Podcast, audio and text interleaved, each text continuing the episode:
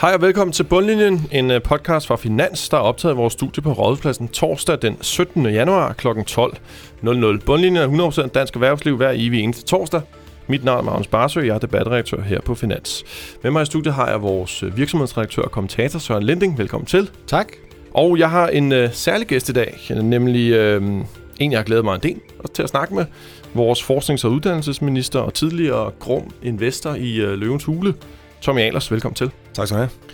Nå, vi har en gæst med i uh, dagens program, som sagt, så, det, så øh, det, det er faktisk noget, som jer lyttere har foreslået. Det var noget, vi ikke selv havde på tapetet et stykke tid, men det synes vi var en rigtig god idé, så det vil vi selvfølgelig gøre. Og jeg kan også love, at Alers ikke bliver den uh, sidste gæst, vi kommer til at have i showet, inden vi går på sommerferie en gang i juli. Det betyder dog ikke, at vi ændrer specielt meget på konceptet. Uh, vi har tre historier fra erhvervslivet. Den ene har dog fokus på Tommy Alers selv. Vores tre historier for i dag er altså den nye dreng i klassen, og ministerens skifte fra erhvervsliv til politik, slagsmålet om Ørsteds salg af radius, og den sidste går luften ud af dansk tech.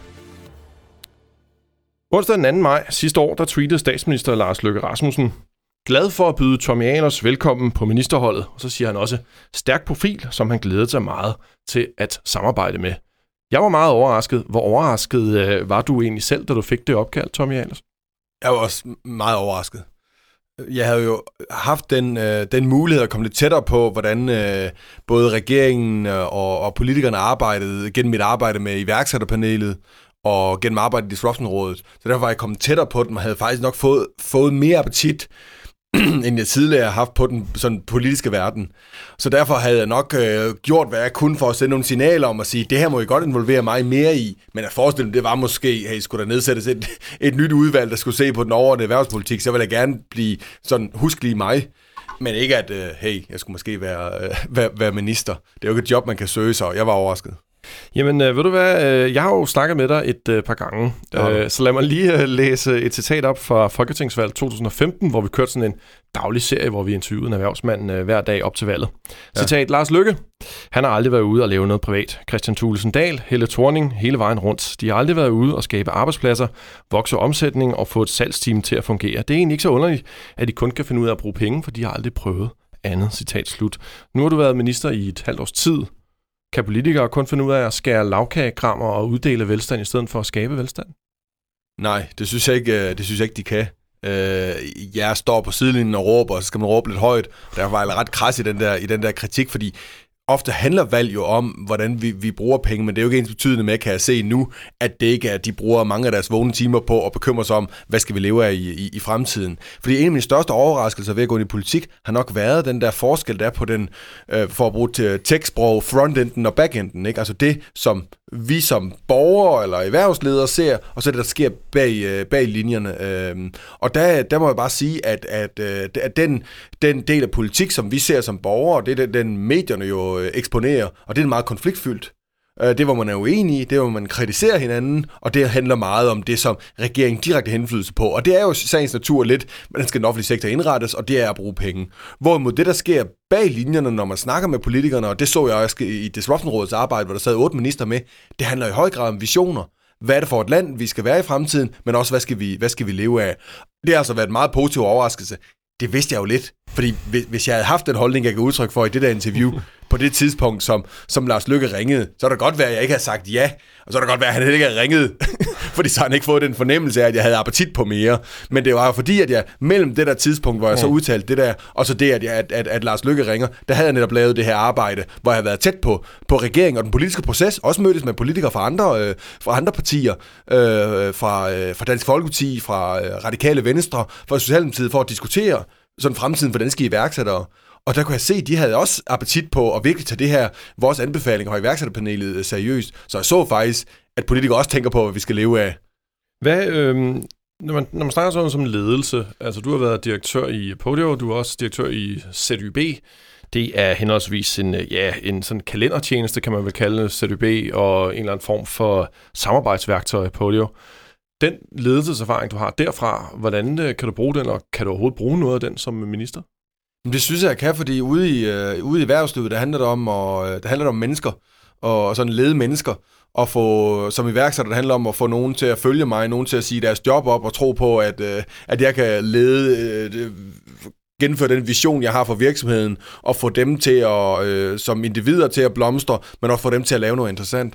Og det er jo lidt det samme, øh, det, det handler om her. Det handler også om mennesker i politik. Det handler selvfølgelig om den, den mere, øh, hvad skal man sige, distanceret med at sige, at få nogle vælgere til at stole på mig, men også den nære i forhold til at få andre politikere til at tro på, at, øh, at der er noget fornuftigt i det, jeg gerne vil politisk, øh, ind, både internt i regeringen og, og de andre, i de andre partier uden for, uden for regeringen. Det er det samme inden for ministeriet. Mm. Så derfor synes jeg faktisk, det der, altså det helt grundlæggende med at lede og få mennesker til at følge dig, det kan jeg absolut tage med ind. Og, og så er der noget andet, med, med det, som jeg har taget med mig, især som iværksætter øh, ude i erhvervslivet. Og det er det med at tro på, at øh, noget nyt kan lade sig gøre. At selvom udgangspunktet for et eller andet er meget svagt, så skal vi tro på det og ture et eller andet. Også ture og fejle, og så indrømme de fejl, vi eventuelt kommer til at begå. Så det har jeg også taget med mig ind. Der er mange, der ligesom øh, står udenfor nu og kigger ind på politik og er relativt frustreret over, hvordan øh, tingene fungerer. Øh, tilliden til de danske politikere er jo stort set kollapset over de seneste øh, 10 år fra omkring 70% til omkring 35%, der har tillid til, til de danske politikere. Politikerleden er, er, er oppe. Du, man kan godt lidt skarpt sige, at du indkapslede noget af politikerleden ja. i det her citat, i hvert fald for erhvervslivet, og nu kommer du så ind. Øh, hvordan, øh, hvordan vil du egentlig så selv rette bod på øh, at bygge bro mellem dem, der har politikerlederen udenfor, og dem, der står indenfor, som du gør nu? Det vil jeg faktisk gøre ved, ved at gøre det, jeg gør nu, ved at lidt som en, der synes jeg har noget troværdighed fra noget, der kommer udefra, og så husk at fortælle den historie om politik, som ikke værende et fuldstændig nedadrægtigt, øh, øh hvad skal man sige, øh, øh, øh, øh, element i samfundet, som, som kun de, dem, der ikke kan finde ud af at lave noget andet, gider at bruge tid på, men faktisk er befolket af nogle personer, som har en passion for det her land, forskellige visioner for, hvordan de løser det, men de har en passion, og de er parat til at arbejde hårdt for at få, få, få noget til at ske, og de faktisk også er, har, har talenterne. Det er jo dem, jeg har investeret i før som, som investor og ansat før som, som iværksætter og erhvervsleder. Og det er faktisk dem, jeg ser i politik. Og det er meget vigtigt, at vi får fortalt den historie, fordi en del af politikerleden kommer fra, at det ikke får plads i, øh, og, i hvad skal man sige, den, de historier, der bliver fortalt om politik, for der er det de konfliktfyldte. Så det er den måde, jeg bygger bro på. Og så håber jeg på en afledt effekt af at bygge den bro og få fortalt den historie. Det er, at nogle af dem, der for eksempel lytter til den her øh, podcast ude i erhvervslivet, tænker, det kan da godt være, at jeg har en forkert opfattelse af politik. Det kan da være, at jeg skal overveje at gå ind i politik, bringe sig selv i spil til et eller andet i den politiske verden. Det er jo super vigtigt, at vi får erhvervslivet inddraget i politik, så politik ikke bliver en afsondret verden, for så, så får vi talt hele demokratiet ned under gulvbrædderne, og det er ingen, kan være tjent for, for så skaber vi for meget plads til, til nogle demagoger, der kommer ind med nogle nemme, nemme løsninger. Øh, altså, helt, helt sikkert, vi har også faktisk set flere erhvervsledere på det seneste være ude og kippe lidt med det politiske flag. Henrik Poulsen, øh, topchef over i Ørsted, var ude og komme med nogle udmeldinger. Jeff Gravenhorst øh, fra ISS øh, var ude og sige noget, noget tilsvarende. Øhm, Tommy, hvis jeg skal være lidt øh, konkret og gå lidt øh, til dig her, altså nu, nu, nu lyder det som om, at det hele rosenrødt er godt at komme indenfor, og du kan bruge alle mulige ting. Hvad har du egentlig konkret fået udarbejdet, øh, som, som gavner dansk erhvervsliv i løbet af det her halve år? Jamen altså, de, de ting, jeg har gjort, gavner dansk erhvervsliv. Jeg har fået tre, øh, tre store øh, politiske aftaler i, igennem. Øh, den største, den handler om fleksible uddannelser, hvor vi sørger for, at det er nemmere både at, øh, og, eller at veksle mellem det at studere på et af vores universiteter, og så arbejde ude i erhvervslivet, så vi får en bedre vekselvirkning mellem det teoretiske studieliv og det praktiske ude i erhvervslivet. Øh, jeg har gjort, øh, vil, vil gerne gøre, at det bliver nemmere at kombinere nogle øh, fagligheder igen i et fleksibelt uddannelsessystem, som måske både har læst noget, øh, noget humanistisk og noget øh, tech. Nogle af de der ting, som, øh, som erhvervslivet øh, efterspørger. Øhm, så har jeg gjort det øh, nemmere for øh, iværksættere ud fra vores forskningsmiljøer. Vi investerer rigtig, rigtig meget i forskning, 23 milliarder om året. Øh, så har det gjort det endnu nemmere for dem at komme ud og, øh, og komme i gang med at omsætte deres forskning til en reel iværksættervirksomhed ved at skabe en, en, en mere smidig adgang til dem for at få noget støtte fra, fra staten gennem Innovationsfonden mm. for at bygge deres iværksætterprojekt. Så du har sat fingeraftryk? Ja, det har jeg. Søren, hvad, hvad tænker du om det første halve år med sådan en erhvervsmand, investor, der er kommet inden for en Christiansborgs mure? Jeg bliver, jeg bliver helt ærligt nødt til at indrømme, at jeg havde ikke øh, de store forventninger til, at Tommy Ahlers, om det så var det på det første halve år, eller det første det, det år, men så formentlig for, inden der kommer et folketingsvalg, eller det skal der jo komme, øh, får nogle øh, konkrete resultater. Og det jeg så vil komme med, hvis man skal komme med et godt råd her, så er det lige præcis de resultater, som så er opnået, at prøve på at slå på så meget som overhovedet på trummen for dem, for netop at prøve på at få den her rollemodels virkning. Sørg for, at det faktisk viser sig, selvom det var sådan oddsende i en stort set nærmest en valgkamp, der allerede var i gang, kommer ind og faktisk kan gøre en forskel. Og det er lige præcis der, hvor jeg tror, at, at Tommy og sådan set også dit udgangspunkt, ikke? Sørg for, at der kommer en lille smule mere dialog, fordi den har jo altså lidt enormt mange knæk her øh, med hvidvask og udbytteskatsskandaler i de sidste års tid, så der er virkelig brug for, at der er nogen, der kan prøve på, om det så er bygge bro og fagne det tillidsbrud, som jeg kun i de seneste, de seneste års tid har set er blevet meget større. Så det med at prøve på at få nogle flere, kan du sige, outsiders udefra, og så ind og så prøve på at ændre nogle af de her meget, meget fastlåse systemer, som jo helt åbenlyst trænger til at blive reformeret. Mm. Øhm, jeg, jeg, og tak. Ja. jamen, altså, det, det, det, jamen tak for, fordi jeg, jeg, jeg, jeg er jo glad for at høre, at det lyder som om, vi et, et eller andet sted har en fælles mission om at få det her til at lykkes, og få den, den her dialog til at ske i højere grad. For jeg tror lidt, det der også er sket sådan, hvis vi ikke skal tænke på mig som, som borger gået i politik, men, men samarbejde mellem erhvervsliv og politik, er måske let, at mange derude, har jeg nok også lidt oplevet ude i erhvervslivet, de tænker, politikerne gider ikke at lytte på os. Og mange politikere tænker måske, erhvervslivet gider ikke at tale med os men begge dele er forkert. Og det var faktisk det, jeg så med iværksætterpanelet, at de både gad at, øh, at, at tale med os som erhvervsledere, men også gad at lytte på os, da vi så kom med 13 forslag, og tog faktisk fem af dem ned og om, omsat til konkret politik i et forlig sammen med Dansk Folkeparti og Radikale. Hvad vil du så råde erhvervsledere derude, øh, der faktisk har noget på hjerte politisk? Altså, hvordan skal de så komme ud med det budskab for at få, øh, for at få jer i at tale? Altså, man, man, man, man må vælge for, om man vil blande sig i den offentlige debat. Men det er jo en måde at gøre det på, for så bliver det jo set, og det betyder også noget, og batter også noget. For det er jo ikke alle, der har tiden til at involvere sig helt konkret i nogle projekter. Men ellers er det jo at, og, og, hvad skal man sige, øh, øh, tale nogle politikere, fordi det er jo tit, når, det kan jeg også mærke nogle gange, så leder efter, det kan være en, øh, en, nogle bestyrelsesmedlemmer til en af mine statslige fonde, eller det kan være, man skal nedsætte et råd, der rådgiver om et eller andet. Så er det jo vigtigt, at man har et eller andet, det der Rolodeck, der består af nogen, man ved, de vil mm. godt være med til at løfte samfundsansvar. Og det vil de fleste erhvervsledere, men de er nødt til lige at gøre det, gøre det klart, at de er parat, så du må godt ringe til mig, for ellers bliver det den sædvanlige ringeliste, man har, ikke? Og den, den tror jeg, den ringeliste kunne være meget bredere, og så tror jeg, at erhvervslivet så den vej rundt får en mulighed for at komme lidt tættere på det politiske system, og så får en mere positiv opfattelse. Og så kan det være, at der sidder en statsminister om fem år, og ikke kun har måske et halvt navn ude fra erhvervslivet, der måske sol, øh, måne, stjerner øh, står helt lige, vil sige ja, men måske har fem eller ti mulige navne, hvor man tænker på, mm. kan vide, om jeg ikke skulle invitere tre af dem med ind i den regering, jeg nu skal, skal sammensætte nu her, som kommer ud fra erhvervslivet, som ikke har en 20-årig karriere i, i politik. En C25-chef øh, ind i øh, ministerkontorene. Men, men, men i hvert fald også, altså, flere som Tommy, som kunne måske kunne så sige, det der med at prøve på at ændre på nogle rammevilkårene for at skabe konkurrencedygtige, især nye industri, nu skal vi tale lidt tech lidt senere, ikke? kræver jo ikke bare, at man siger 12 måneder frem.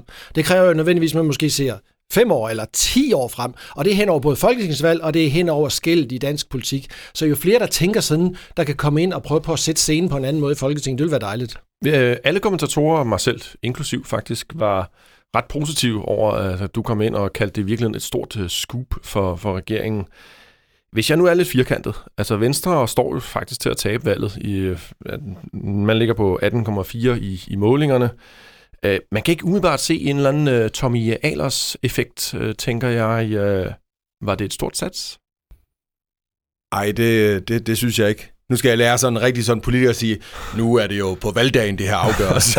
så må vi se, hvordan det ser ud. Så må vi se, hvordan det ser ud der, hvor man har en mulighed for, for, for at stemme på mig. Men jeg synes, jeg, jeg, jeg kan ikke vurdere det her på, på den helt store klinge, og det ville også være mærkeligt, hvis, synes jeg, hvis man kunne se det på, at den pludselig hed 22 procent, hvis vi endelig skulle tælle meningsmålingerne. Men jeg, jeg synes, man kan se det på, at jeg netop har været med til at skabe et, synes jeg, et, et, et, et bedre link mellem, mellem øh, Venstre og erhvervslivet, og mellem øh, Venstre og iværksætterverdenen. Og jeg også har været med til, synes jeg, at, at, at, at sætte en ny, øh, hvad skal man sige, øh, sætte en lidt ny øh, måde, vi taler om øh, hele uddannelsespolitikken, hvor vi gerne vil skabe et mere fleksibelt uddannelsessystem, og give lidt mere mere tillid til de studerende, hvor vi siger for eksempel med det der med, at man kan stoppe efter bachelor. Vi starter ikke med at sige, det kommer I nok ikke til at bruge på den rigtige måde. Nej, nej, vi starter med at sige, det er vi helt sikre på, at I gerne vil. Nu giver vi fuldstændig los, og så må vi se senere, om det så virker eller ej. Så det synes jeg faktisk, at jeg, øh, jeg synes, jeg er et, øh, ej, jeg ved ikke, man skal sige, jeg synes, jeg er et scoop, men øh, jeg, synes, jamen, jeg synes, det, jeg, helt ærligt, det må jeg sige, jeg synes, det, det, det er gået godt, og jeg er ret vild med, med det øh, embed, øh, jeg har her,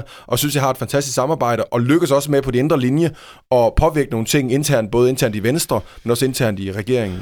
Et, et aller, sidste, aller sidste spørgsmål, før vi går videre til, til næste. Øh, igen et skub øh, på Venstre. Jeg havde måske, og det tror jeg mange, øh, jeg har snakket med, havde set dig som enten konservativ, som du var før i tiden, eller en øh, LA-mand. Venstre, I får kun et mandat i København formentlig, så du lægger stærk konkurrence med nogle andre. er, er, er, det, er, det, er det helt... Altså, dig som venstremand, kan du prøve at sætte nogle ord på, hvor, hvor, hvordan den tanke opstod? Det var, ikke en, det var ikke en tanke, der opstod. Jeg har altid været borgerlig. Det er også det, du lidt har reflekteret over. Og så øh, helt tilbage, jeg kommer fra en øh, landbrugsfamilie i Sønderjylland. Min far har været medlem af Venstre i rigtig mange år måske diskuterede vi ikke politik så meget, men det var i hvert fald sådan en liberal islet og, og, og samfundsansvar, der sådan var afgørende. Og så da i min helt unge år, jamen, så havde jeg en mulighed for at involvere min politik gennem konservativ ungdom, som holdt nogle rigtig gode fester, og jeg kunne ligesom tage sådan en organisatorisk ansvar. Og det var simpelthen det, der lidt drev mig ind i politik, uden en, hvad skal man sige, en meget, meget øh, hvad skal man sige, langhåret overvejelse omkring mit ideologiske ståsted. Og så har jeg bare oplevet, som, synes jeg som iværksætter, at så har det mest været det liberale, der har været drivende for mig. Fordi jeg har set som iværksætter, hvis man giver folk nogle muligheder for ligesom at gå ud og bygge noget og skabe noget selv, så er der rigtig mange, der så kan løfte det, øh, det ansvar og virkelig skabe noget til gavn for samfundet. Så derfor kunne jeg bare mærke, at jeg blev mere og mere øh, altså sådan overvist om, at det, det var det liberale. Og så, øh, så er det er det Venstre, jeg lidt hører hjemme i, fordi jeg godt kan lide den, den, en lidt pragmatisk tilgang til, til politik også, hvor man får det til at fungere ud i virkeligheden. Og det kommer jeg nok med, når jeg kommer ud fra erhvervslivet, som ikke er sådan skolet politiker, en eller anden idealisme, men skolet i at sige, at tingene skal virke og blive til noget. det er godt. Lad os hoppe videre til, til det andet. Øh, Søndag kl. 12.44, der stod det klart, at energiselskabet Ørsteds frasalg af elforretning Radius var stødt på grund. Socialdemokratiets finansordfører Benny Engelbrecht han meddelte, ja ret overraskende på Twitter, at partiet vil afvise den gruppe af købere, som bejlede til at overtage Ørsteds monopolguld. Kun 20 minutter tidligere, der havde SF's øh, Lisbeth Bæk Poulsen, hun havde med, meddelt nogenlunde det samme. De to partier, de ønskede enten et statsligt ejerskab eller et foreningseje. Ingen af de tilbud, der lå på bordet, de opfyldte det, lød det. Søren, umiddelbart kan det lyde som om, at salget nu er endegyldigt forlist, men det mener du faktisk ikke. Hvorfor? Nej, det kører for fuld hammer i kulissen. Og det er fordi, der er meget, meget, meget stærke kræfter, der er øh, interesseret i, at det her det faktisk går hen og bliver til noget. Hvis du tager Ørsted, de vil enormt gerne af med deres, øh, kan du sige, regulerede del. Ikke? De vil gerne have politikerne så langt væk fra, fra realiseringen af de her globale ambitioner om at lave øh, et af de største, verdens største øh, øh energiproducenter af, af, af grønne øh, kilder. Og det andet, det er, at CSNV, som jo altså er andelsejet, og faktisk på papiret egentlig opfylder de kriterier, som øh, de to nævnte partier de er opstillet, de er mere end sultne efter at prøve på at manifestere sig så hårdt, som de overhovedet kan på det danske elmarked. Det vil så sige, de prøver på at gøre alt, hvad de kan, for at prøve på at se, om man ikke kan få en eller anden form for politisk opbakning til, at det her det så kan blive til noget øh, alligevel. Jeg, jeg vil gerne lige også øh, rydde et af de argumenter af vejen, som øh, kom øh, søndag og mandag og tirsdag i virkeligheden lidt i den politiske debat, fordi der har været sådan lidt en snak om, at øh, man, hvis det her salg ikke bliver til noget lige nu, har blokeret Ørsteds grønne omstilling og dermed sat hele omstillingen tilbage. Altså når man ringer rundt til nogle analytikere, så er svaret, at der mangler ingen penge i Ørsteds kasse. Det er en særdeles øh, finansielt veltrimmet øh, virksomhed, som Henrik Poulsen sidder i spidsen for, og Øh, og der er altså ikke noget presserende kapitalbehov. De kan stort set trykke deres egen penge ned i kælderen, og det skyldes jo, altså de har så mange vindmølleparker, som de ejer 100% af, og det vil de gerne gøre i fremtiden. Tidligere solgte man 50% for at finansiere en enorm stor vækst. Det har du faktisk ikke behov for nu, og hvis du fik et kæmpestort finansieringsbehov, kunne du fortsætte med at sælge halvdelen af de havvindmølleparker, du har. Så de har et kæmpe muligheder for at ekspandere alt det, de stort set har lyst til. Ja, så det, det er virkelig bare for, at den debat om radio skal jo handle om mange andre ting, netop det, som, som du også siger, hvem skal egentlig eje øh, radios, hvem skal man sælge til, er der et eller andet motiv om, eller et ønske om at beholde det på statslige hænder. Og det, det er det, jeg lige vil vende tilbage til, fordi det argumenterer du jo faktisk for. Ja. Altså her snakker vi om øh, børsens øh, tidligere virksomhedsredaktør, nuværende finansets virksomhedsredaktør, ja. som siger klokkeklart i en klumme i dag, ja. at der er gode argumenter, om man faktisk bør holde Jeg har faktisk sagt det nu igennem fire eller fem klummer, at der er sindssygt vigtige argumenter for, at staten skal gå ind og kontrollere det her elnet. Det er så kritisk vital infrastruktur, og hvorfor det? Fordi vi lige er i gang med at transformere hele vores energisystem fra et sort til et grønt. Det kræver, at vi integrerer forskellige energikilder, og det kræver, at man koordinerer på tværs af alle de netselskaber, som er i Danmark, for at Danmark stadigvæk kan bevare den her førerposition inden for grøn energi, herunder ikke kun vindmøller, men det næste skridt, det bliver ikke nødvendigvis at producere el, det bliver, hvordan får vi det ud til kunderne. Og den del af det kommer til at være en meget, meget, meget vigtig øh, eksportvare. Og hvis det er sådan, at vi skal have et eller andet sted, hvor man skal prøve på at sørge for, at vi er i førerposition, så skal der ske en koordineret indsats, koordineret investeringer i elnettet. Og hvis det endelig skal være, så har jeg også været fortæller for, at sammenblandingen af kommersielle aktiviteter og monopolforretninger ude i de her elselskaber, som er meget andelsejet kommunale, de kan ikke finde ud af det. Så derfor så bliver man nødt til at skille det ad. Og det er også derfor, jeg er meget glad for at se, at ATP i det mindste er sammen med CSNV og kan få moderniseret de her andelsejede selskaber, så man ligesom har skidt for sig og snot for sig, og så få effektiviseret det, samtidig med, at vi tænker lige lidt længere frem, at vi bliver nødt til at være helt i front på det her. Og der er det her en historisk mulighed. Det her radiosal er en historisk mulighed for at gøre det nu rigtigt, ikke? Det, det er godt. Øhm, det, jeg er egentlig ikke sådan sindssygt interesseret i at snakke proces om hele det her radiosalg. Nej, jeg, altså, jeg, jeg, jeg, jeg, jeg, heller ikke. Ja, ja, altså, Resultatet er sgu jeg, vigtigere. Jeg, jeg, jeg, altså, jeg, jeg synes, at Socialdemokraterne øh, har virket besønderligt famlende i et halvt års tid. Altså, hvis de, hvis de virkelig mener, at det skal være statsejet eller foreningsejet, jamen hvorfor mente de det så ikke så? Så lav loven om, så en energinet kan ja, overtage det. Og, og nu, det fatter jeg simpelthen Nu gør man det i sidste øjeblik, og det kan man mene af ting. Men, men den her snak om, om kritisk infrastruktur, er enormt vigtig. Ikke? Vi snakker meget om tele, vi snakker om altså, kinesiske interesser, øh, der opkøber. Nogle lande har sådan set valgt at holde kinesiske investorer fuldstændig ude. Mm.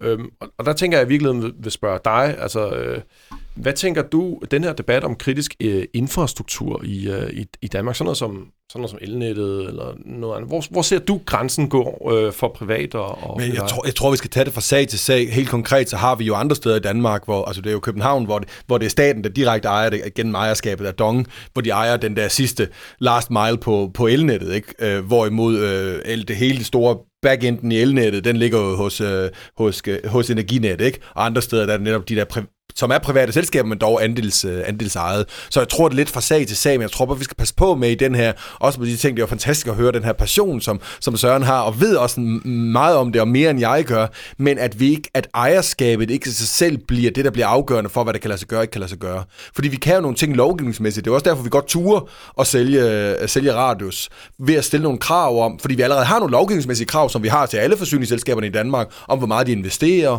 hvor øh, forsyningssikkerhed, og øh, øh, øh, prisfastsættelsen. Det har vi. Og så i det konkrete tilfælde havde vi så nogle krav til den køber, der er der nu. Og så det tredje element var, at vi også ville have nogle krav om, at den køber kun kunne sælge videre, hvis de skulle ønske det, om mange år med foregående accept af staten. Ikke? Så på den måde har vi jo i det konkrete tilfælde sagt, det er vigtigt til, at vi ikke bare giver, giver los, men vi tror også, at vi måske kan få et, et bedre ejerskab med en privat aktør derude. Og lige det der Søren nævner, er jeg jo helt enig i. Vi skal jo virkelig for at få den her øh, omstilling til at fungere, så er der mange ting, vi skal gentænke. Vi skal måske se på altså alle elementerne ud, om, helt ud til forbrugeren. Hvordan får, for, for, får vi forbrugeren til at, faktisk at starte deres vaskemaskine om natten, hvor, hvor der er masser af overskuds øh, grøn strøm, og ikke køre den på øh, samme tidspunkt øh, alle sammen, som lige efter aftens mellem, mellem, mellem 19 og 21 eller et eller andet. Ikke? Alle de der ting, det skal vi tænke igennem.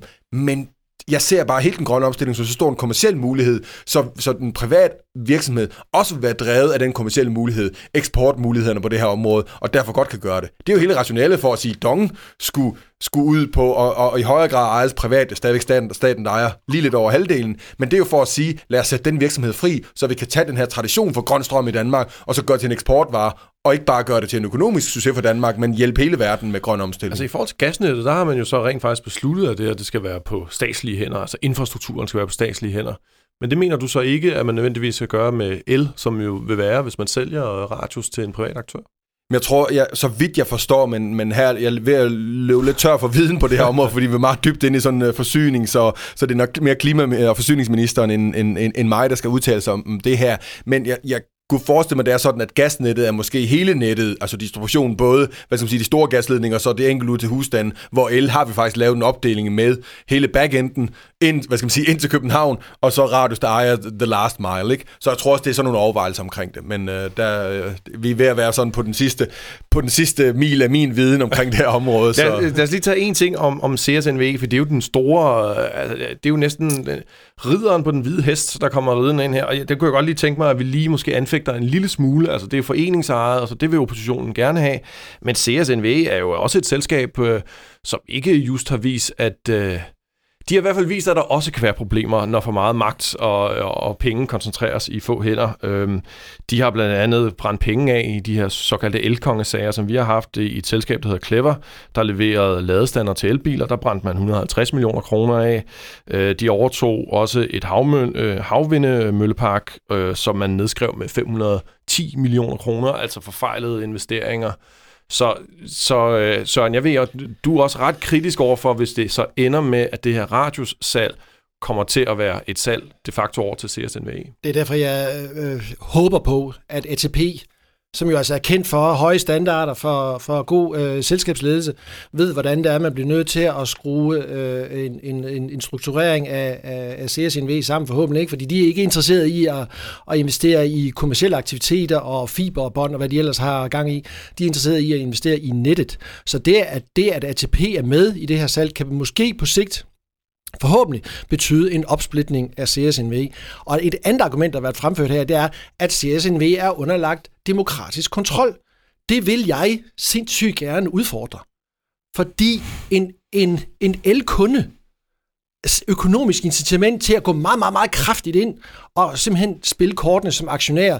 Det har vi set over stort set alle andelsejede forsyningsselskaber, at det gør de simpelthen ikke. Det efterlader de her elkonger med en utrolig stor magt, og deres governance-struktur betyder også, at det ikke er øh, uafhængige dygtige bestyrelser, der sidder og holder dem i ørerne. Det system skal simpelthen laves om.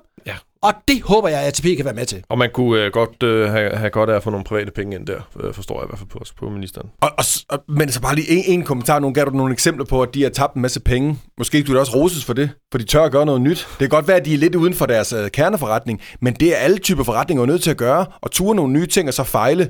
Og så, så kender jeg ikke forretningen præcis i forhold til, at den så er meget eller lidt, og dumt eller ikke dumt at tabe 150 millioner. Men igen, at vi har nogen, der prøver at sige, kan vi også være medvirkende til at prøve, prøve noget nyt her, og være med til at bygge et uh, nyt marked op? Uh, vi skal videre til det sidste emne, fordi tiden uh, løber fra os. Uh, det, det, det vidste vi jo godt, ikke? Ja, det vidste vi jo godt. Tech-aktiernes nedtur, de siver uh, som brandbar væske ned over fremadstormende danske tech-iværksættere. De synker nemlig aktierne. Og de må indstille sig på øh, ja, lavere salgspriser og mere beskedende værdiansættelser, når de skal hente kapital. Sådan lyder advarslen i hvert fald fra kilder i øh, bankerne og analytikere og investormiljøet. På fire måneder alene har de såkaldte FANG-aktier, det er Facebook, Amazon, Apple, Netflix, Google, øh, moderselskab Apple eller Alphabet, de har i snit øh, tabt omkring en femtedel øh, af deres værdi. Samtidig har der også været en vis bekymring øh, i, i flere internationale finanshuse, om at der er flere selskaber, der i virkeligheden er gået på børsen med negativ indtjening, end øh, flere faktisk i 2018, end der var i 1999, altså kort tid før øh, boblen, IT-boblen sprang. Tommy Ahlers, er du bekymret for den danske tech-industri, som det ser ud nu?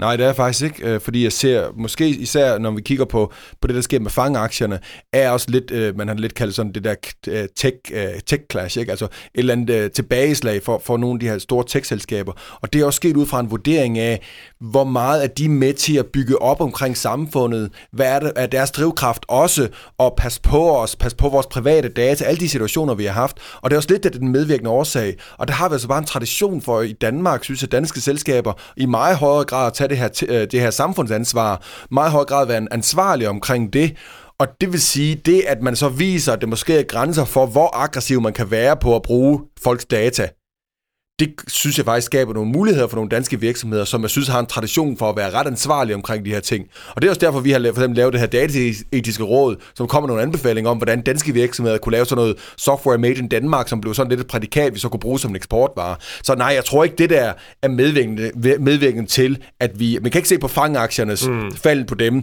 og så lave en direkte kobling over til at sige, derfor bliver det sværere for danske tech-selskaber at rejse penge. Og det er heller ikke det, vi ser ude i iværksættermiljøet endnu. Så lad, os, så, lad os, så lad os tage nogle af de danske, ikke? fordi lad mig lige læse op øh, fra Martin Thorborg, øh, et citat fra ham.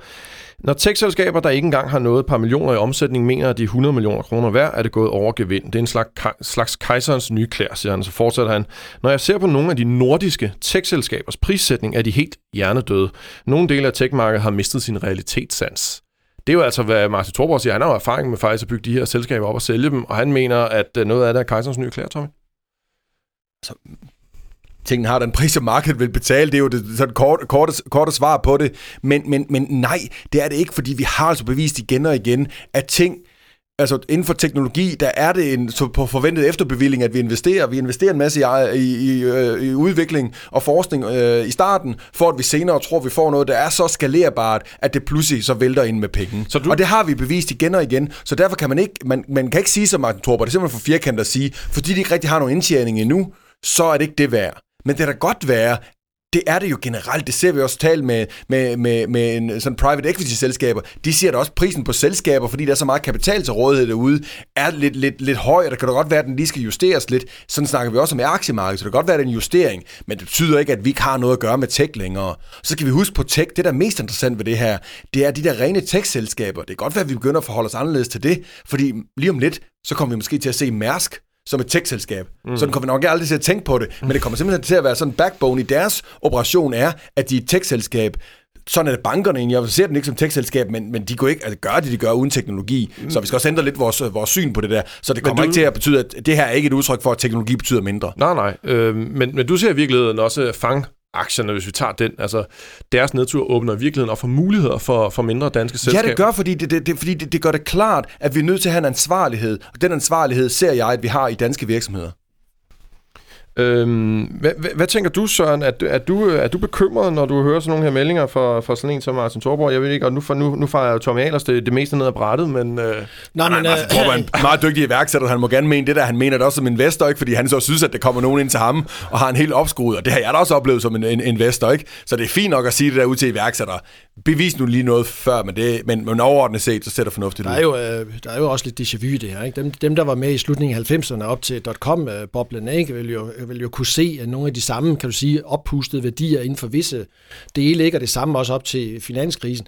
Nej, der hvor jeg måske er mere, hvis man endelig skulle sige mig bekymret for den danske tech-verden, det er jo, at tendensen til enten, at selskaberne går på børsen lidt for tidligt, og måske ikke kan stå øh, selv, tendensen til, at nogle selskaber måske inden de rigtig bliver skaleret, har en større værdi for, for andre end de eksisterende aktionærer, og dermed bliver solgt. Det så vi lige med Falcon her så forsvinder de faktisk relativt hurtigt væk fra Danmark. Og så, og så kan du så sige, det tredje, sådan egentlig også, at jeg, jeg synes også, der er en tendens til, hvis der så endelig er mange penge, som kan gå hen til, at de måske bliver store, så forsvinder de faktisk fra Danmark. I hvert fald deres hovedkontor og så ligger de over i USA. Så det, jeg er mere interesseret i, det er, hvad kan Danmark gøre for at kopiere en lille smule af det, som Stockholm har lykkes med, og det kan man, så kan man sige Spotify, og det er fantastisk, men det handler om, hvordan man får skabt en, en kritisk masse. Et fyrtårn, som gør, at ikke alle nødvendigvis behøver at skynde sig og flygte sig over til USA, eller hvor de nu har lyst til at ligge. Man det skulle, synes jeg skulle tro, at Søren havde læst uh, iværksætterpanelets uh, rapport. For det, lige det præcis, kan også godt være, jeg har det. Jamen, det kan godt være. Vi er jo helt enige, for det er jo den store diskussion. Hvordan bygger vi nye store virksomheder i Danmark? Hvordan bygger vi nye, nye store tech-virksomheder? Vi lavede sammenligning mellem de otte største virksomheder i USA og de otte største virksomheder i, i Danmark. Og de otte største virksomheder i USA, der er de fem eller seks af dem, de er tech-baserede, og de vokser med 25% om året, og de er i gennemsnit 40 år gamle, så nogenlunde, ikke? Og i Danmark, der er de i gennemsnit 110 år gamle, vokser med 6% om året, og ingen tech. Fødevarevirksomhed. Og lige præcis, og det, det er, det, nu sagde du fødevare, men det er jo fødekæden, det er lidt er galt med, ikke? Men fødekæden fungerer nogenlunde. Vi må godt få flere iværksættervirksomheder, men vi skal til at tænke lidt anderledes omkring vores iværksætterpolitik, at vi også får fokus på, at hvordan sørge for, at de bliver store i Danmark. Rigtig, rigtig store i, øh, i Danmark. Og der skal vi især tænke på den kapital, hvor der skal bruges rigtig meget kapital til vækst. Øh, hvordan får vi bragt øh, mere kapital i spil øh, til det? Hvordan får vi flere danskere til at deltage i det her? Hvordan skaber vi et attraktivt børsmarked, så, så de noterer sig og floater, som man vil sige i det her fagsprog, 20 procent så, så, så, så, så stifterne kan tage lidt penge hjem og købe et lidt øh, bedre hus, eller hvad de, nu, øh, hvad, hvad de nu vil, men fortsætter med at vokse den her som en, øh, som en dansk virksomhed. Ikke? Det er en altså, interessant altså, diskussion, som jeg ikke har det, det er jo penge, vi har jo nok penge i det Vi har nok penge, og det, og det kan jo undre igen igen, ja. hvis vi tager robotklyngen over i Odense. Hvorfor er det amerikanere, der ser ud, til Sydland ser ud, som om de kommer til at sætte sig på størstedelen af det, ja. når vi har en Lego-familie, som har så mange penge, som man næsten tror, det er løgn, og man har også en Danfoss-familie, som også har haft en masse kompetencer for at kunne gå ind i det her. Hvor er de erhvervsdrivende fonde med masser af penge? Hvor er de henne? Så, så det der med, at man måske kun nogle af de der 12, kan du sige, tålmodige penge, ja. som vi har i Danmark. Ja. Hvordan kan vi skabe en model, sådan at deres risikovillighed, den går en lille smule op, så de ikke kun øh, agerer nærmest øh, som nogle langsigtede kapitalfonde og vil have noget med noget positiv cashflow og noget, men også de tilsætter, og det samme gælder faktisk også pensionskasserne, at de også sætter en lidt større del af deres formue af til noget, som er en lille smule mere øh, risikovilligt. Det kan også være droner, som kunne være det næste. Prøv nu på at satse lidt. Ikke hele butikken selvfølgelig, men noget mere. Det kunne jeg faktisk godt tænke mig. Ej, hvor er du dygtig. Må jeg få sparket gang i det, Tommy? Det er jo dig, der er politikeren. Øh... Jamen, det, det synes jeg, vi gør ved, ved at de ting, vi faktisk har lagt frem med iværksætterpanelets øh, forsøg som regeringen, den daværende nu, også mig, øh, regeringen har taget, taget til sig, hvor vi siger, lad os prøve at involvere mange flere småsparerne, så vi får skabt den her aktiekultur, de lykkes mm. med i Sverige. Det er jo et langt sejt træk over de næste 10-20 år, ligesom vi fik skabt en pensionssparekultur, skal vi have en aktiekultur i Danmark. Det sætter mange flere penge i spil. Hvad med de Hvordan får vi fonde? pensionskasserne? Hvordan fonde i får, får, får, vi, får vi dem i spil? Vi kommer med et forslag dengang om at kigge på deres formålsparagraf og sige, det handler ikke kun om isoleret set for, for den enkelte pensionsopsparer, men også for samfundet, fordi det er jo fint nok, at jeg har en god pensionsopsparing om 20 år, men hvad nu hvis det er et samfund, som ikke er så rigt, så er det da ikke sjovt at være her. Alle de der betragtninger, så jeg tror, det er det, vi skal fortsætte med at arbejde med de der ting. Investorfradraget, så alle de der, dem der har en million, to millioner, også får lov til at få lyst til at investere og tager en risiko. Fordi vi har to faser i iværksætteriet, det skal altid huske. Vi har den, hvor der er masser af risiko, fordi vi ikke aner, hvad der kommer til at virke. Hvor det er tusind forskellige eksperimenter, der skal starte. Og så er det det, der virkelig virker, hvor vi skal øh, double down med masser af kapital. Og de to faser kræver vidt forskellige virkemidler, og det er dem, vi skal have fokus på. Så. Tiden er løbet nu. Tiden er se løbet. Øhm, jamen, ved du hvad, altså, øh, jeg, jeg har bare et øh, sidste spørgsmål, og det er i virkeligheden også for, for et citat for, for dit eget interview. Der sagde du meget det her med visioner. Hvis politikerne virkelig havde visioner, så kunne man jo gøre, ligesom man gør med vindmølleindustrien, og så lave for eksempel rammevilkår for dronesektoren, og så gøre gør det meget attraktivt. Helt konkret, hvilke nogle sektorer øh, vil du som minister øh, arbejde for, får nogle rammebetingelser, eller ser du nogle gode vækstmuligheder for danske, danske virksomheder? Hvad, hvor er det, der skal nurses? Vi havde vindmølleindustrien. Hvor er det nu? Jeg synes især det er inden for hele den, den grønne omstilling, fordi der gør vi altså to ting. Vi skaber både økonomisk vækst i Danmark, og vi er med til at redde, øh, vi er med til at redde, redde kloden. Så den har altså virkelig øh, nogle ting, og det er også et, et sted, hvor vi allerede er godt med. Det er svært som politikere at tage et helt nyt område, hvor vi slet ikke er med endnu. Så det vil jeg gerne. Og så har jeg et område, hvor vi måske ikke er med, men hvor jeg politisk har en interesse i, at vi kommer meget mere med, og det er på hele området for kunstig intelligens. Fordi det kan vi ikke bare stå tilbage og sige, det er nogle andre, der har taget førerpositionen, der tør vi ikke noget, noget som en lille land. Det er så meget værdibaseret i den, og der skal vi også sidde med noget viden, som gør, at vi kan decifrere det, der kommer fra udenlandske leverandører. Øh, så derfor masser af investeringer i kunstig intelligens også, og- og gode rammevilkår for det. Det synes jeg, vi skal lade være det sidste ord for i dag. Du kan streame bundlinjen direkte på finans.dk. Du kan finde os på iTunes. Hvis du kan lide, hvad du hører, så må du meget gerne gå ind og give os en tilbagemelding øh, på iTunes. Vi er tilbage igen næste uge, og det bliver så det normale panel, så øh, vi lyttes ved på torsdag. Ha' det godt så længe.